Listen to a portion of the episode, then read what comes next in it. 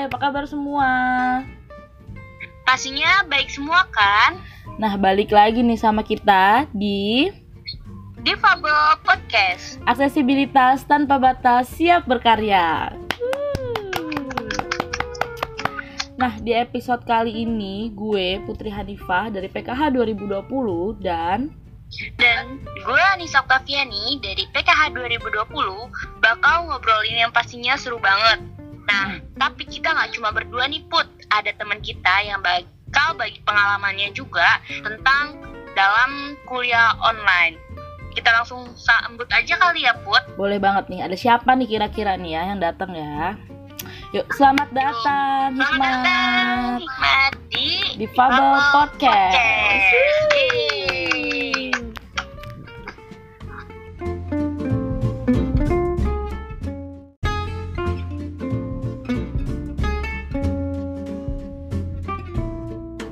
Nah, sebelum kita mulai ini jangan lupa buat teman-teman follow akun kita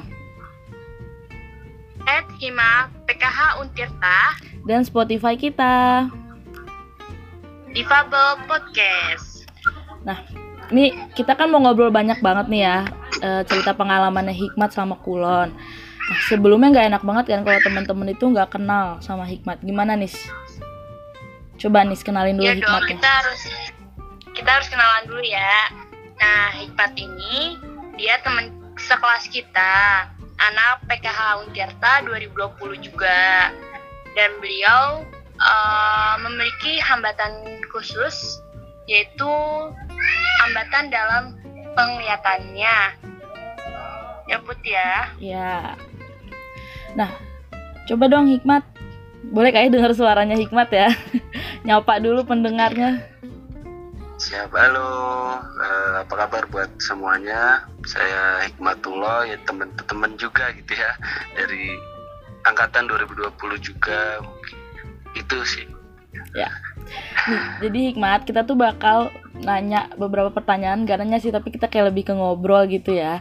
eh, tentang kuliah online gitu. Kan kita angkatan corona pertama ya, jadi ya kuliah online pertama kali pasti kaget banget gak sih kuliah tapi online apalagi kalau kuliah kan apa apa mandiri nih gitu eh tapi sebelumnya kita mau nanya dong ke Hikmat kenapa sih Hikmat milih jurusan pendidikan khusus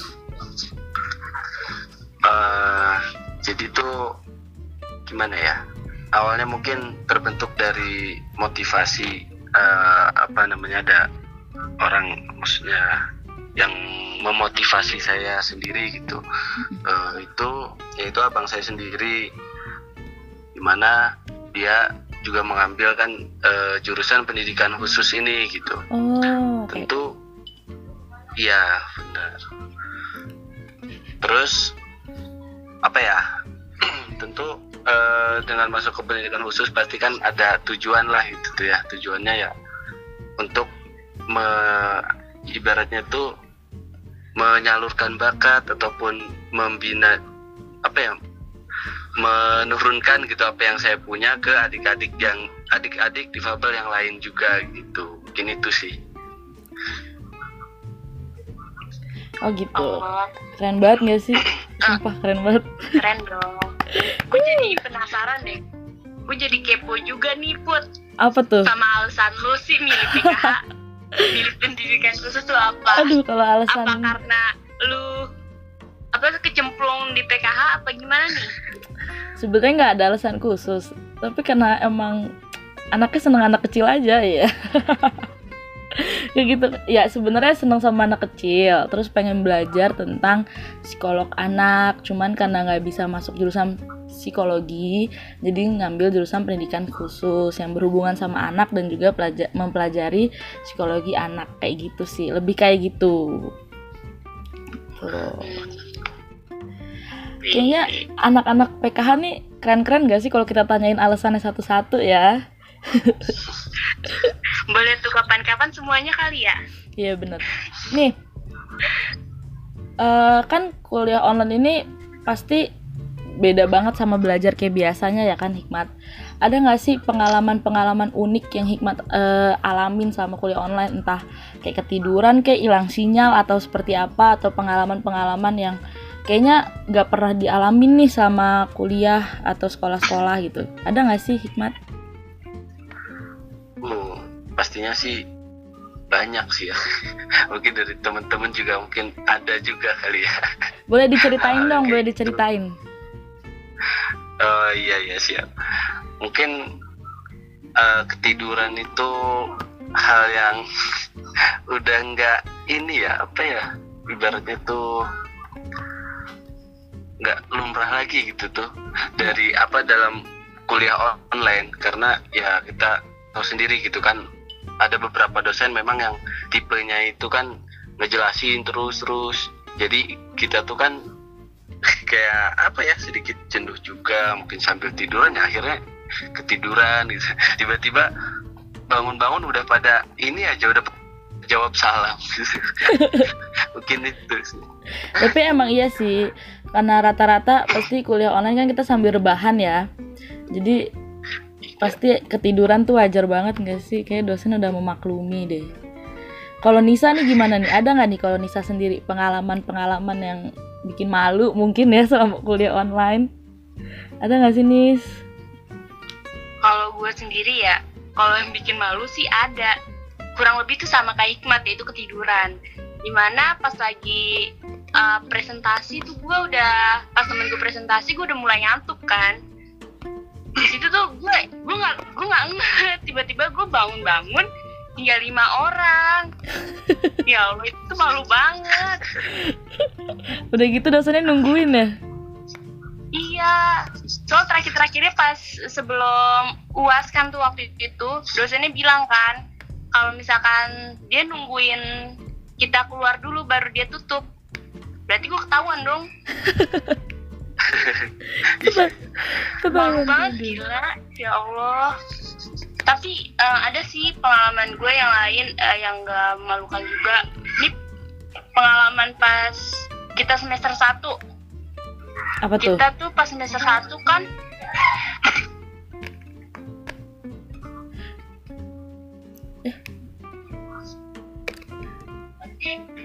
kita kan pas semester satu itu ada eh, observasi ya. Mm-mm, wawancara ke SKH SKH kan. Mm-mm. SH, SKH nah di situ gue eh, untungnya nggak sendiri sama temen gue si Novita. Oh, jadi- oke. udah udah sepi kan di sekolahnya. Terus gue bingung mau gimana. Orang baru pertama kali gue observasi kan belum kita semester satu kan bener-bener masih buta banget tentang dunia pen- PKH kan Iya iya. bener-bener benar. nggak tahu harus ngapain terus observasi juga belum pernah baru pertama kali jadinya ya gitu udah cuman berdua-duaan doang Nah kalau Hikmat sendiri pengalaman observasi gimana nih Hikmat nih? Uh, kalau dari saya ya untuk pengalaman pengalaman observasi sebelumnya eh mungkin apa ya kurang ini sih kurang menantang dalam artian Hmm, ya karena lagi masa kayak gini gitu kan ya Ya. nggak sesuai yang diharapkan gitu tuh Iya bener banget. terus juga apa namanya eh, observasinya tuh di tempat-tempat yang mungkin ya eh, dari gue sendiri juga udah tahu tempat itu dan seluk beluknya mungkin udah tahu karena ya biar biar cepet juga gitu kan ya biar Iya. nggak ribet masuknya gitu tuh itu sih paling dari gue Hmm. Tapi Hikmat ada kendala nggak sih gitu selama observasi itu? kalau selama observasi sih alhamdulillah nggak ada ya karena kan juga mungkin kalau pemberangkatan bareng-bareng gitu tuh sama temen-temen terus Hmm. kalau waktu observasi sendiri juga kan ada tuh ya waktu itu tugas semester 1 ya bener tuh itu gue sendiri sih apa ya wawancaranya online gitu tuh Oh oke. iya Nah, Nisa mau nanya nih Mat ke Hikmat. Eh, kendala, pasti kan kuliah online ini pasti ada kendala-kendalanya kan?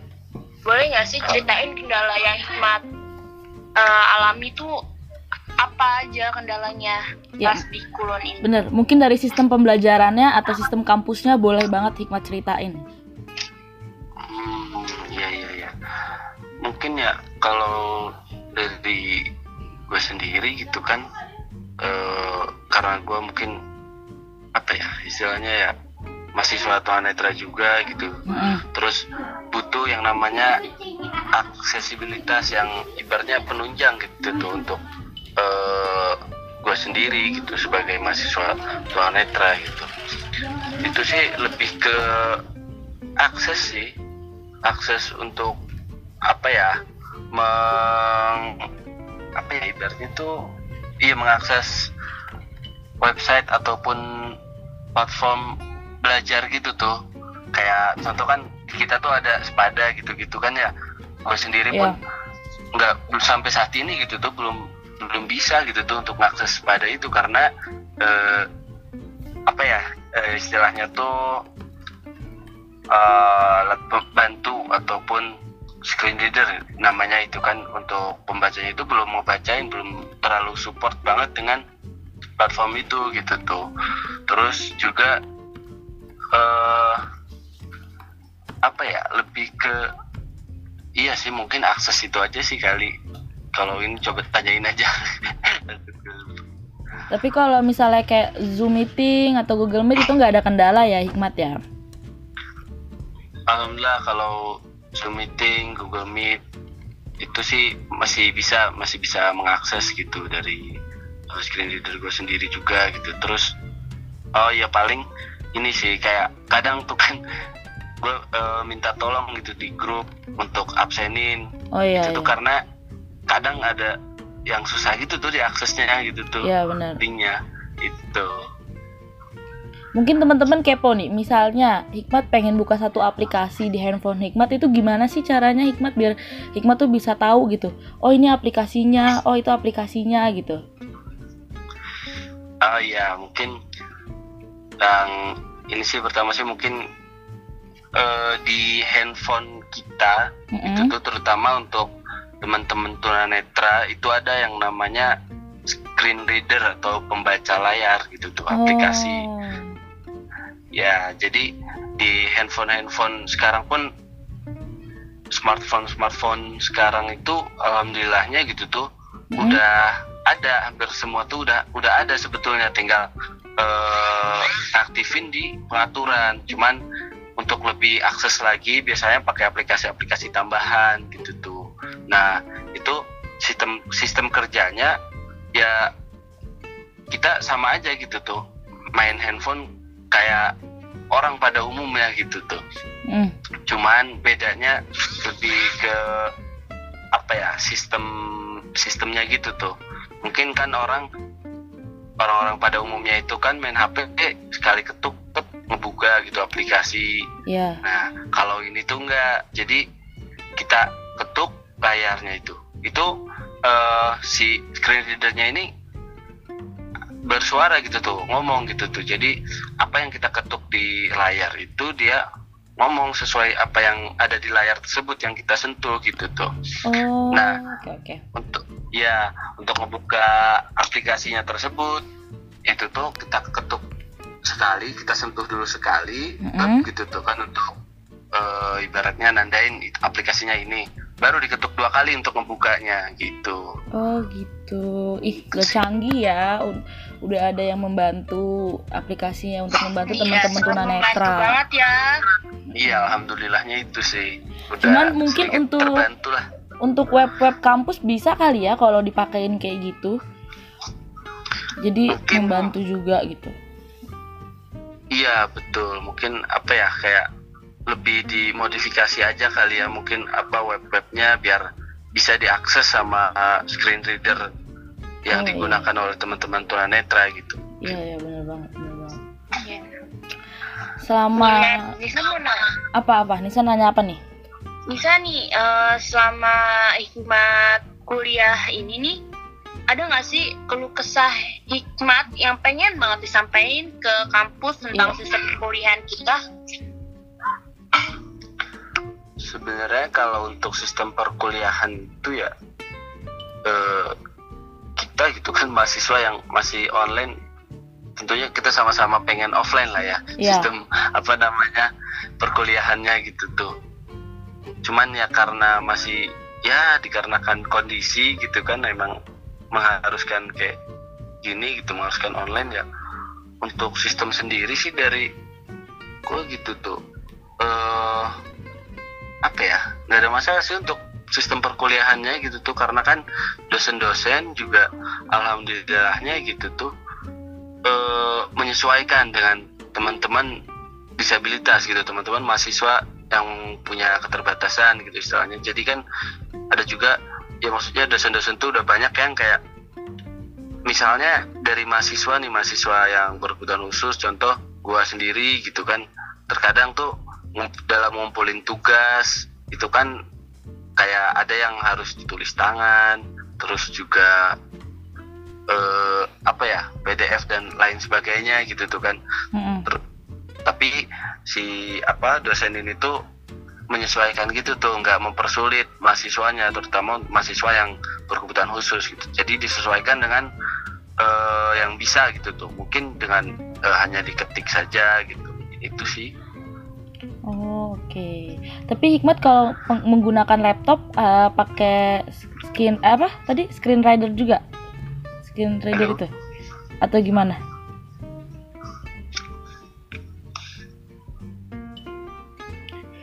Kalau Hikmat, eh, kan Hikmat nge- ngerjain tugas di laptop nih ya. Kalau ngerjain di laptop itu, Hikmat eh, juga menggunakan aplikasi bantu itu atau enggak?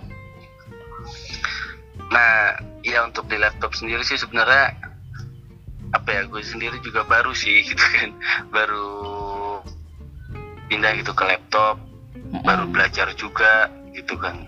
Nah untuk laptop sendiri, iya betul sama pakai aplikasi juga gitu pembaca layar. Jadi biar apa-apa yang ada di laptop itu tuh yang bacain gitu tuh. Terus sih. Oke oke oke. Jadi sebenarnya kuliah online itu ada plus minusnya ya. Ada enaknya, ada enggaknya mungkin gitu. Ya betul. Tapi kayaknya lebih banyak enggak enaknya ya. Karena kayak belajar masuk kuping kanan, keluar kuping kiri gitu. Nah iya itu Iya. Tahu-tahu nilainya gede gitu. Kan online ya. Keluar apa masuk kuping kanan, keluar kuping kiri. Tidur. Kita ingat lagi pas masa-masa SMA, SMK, pas masa-masa kita belum pandemi, itu juga lebih kayaknya gitu juga buat masuk kuping kanan, keluar kuping kiri juga. Ap- Apalagi online gitu kan ya. Iya bener banget. Tapi kan kalau misalnya offline tuh kita bisa ketemu teman-teman kita, apalagi yang berkebutuhan khusus, mungkin kita jadi bisa lebih banyak belajar ya. Eh, apa terutama jurusan kita kan jurusan pendidikan khusus gitu. Mungkin dari teman-teman kita sendiri yang memiliki hambatan gitu, kita juga bisa ambil pelajaran. Oh jadi cara eh apa ya berinteraksi sama teman-teman eh, yang memiliki berke- eh, memiliki kebutuhan khusus seperti ini gitu. Apalagi kan gue pribadi nih ya bener-bener masuk jurusan pendidikan khusus tuh buta sama nama pendidikan khusus. Kayak gimana cara komunikasi ke mereka gitu. Cara nanganinnya kayak gitu kan pasti ini banget kan. Cara itu harus bener-bener interaksi langsung gitu. Sedangkan kita nih kuliahnya online gitu. Jadi agak-agak bingung sih gimana gimana mau mulai interaksi sama teman-teman yang memiliki hambatan kayak gitu Iya benar. tapi nih hikmat nih kan hikmat nih nggak pernah eh pernah ya ketemu putri ya ber- beberapa kali gitu Ya, itu betul. misalnya semisal Ipe kayak eh, mis- semisalnya putri kayak negor hikmat hikmat tuh kaget nggak sih kayak ini siapa gitu kaget nggak Eh, oh, kaget sih enggak gitu tuh. Cuman Hmm. mungkin kalau memang belum kenal ya eh, ya kayak bertanya-tanya aja gitu siapa gitu kan. Eh, Karena asing itu suaranya. Cuman kalau untuk ketemu kedua kali atau ke seterusnya ya itu sih udah tahu gitu tuh Hmm, eh, suaranya ini yang manggil nih siapa gitu tuh hmm. itu sih Mungkin gini put kalau misalkan kita udah offline nih ya, Mm-mm. kemungkinan Iqbal bakalan bisa ngenalin kita lewat suaranya ya kan, Mat? oh iya nah iya betul. betul betul banget. Keren sih ya keren keren keren, keren. kalian indra pendengar tajam.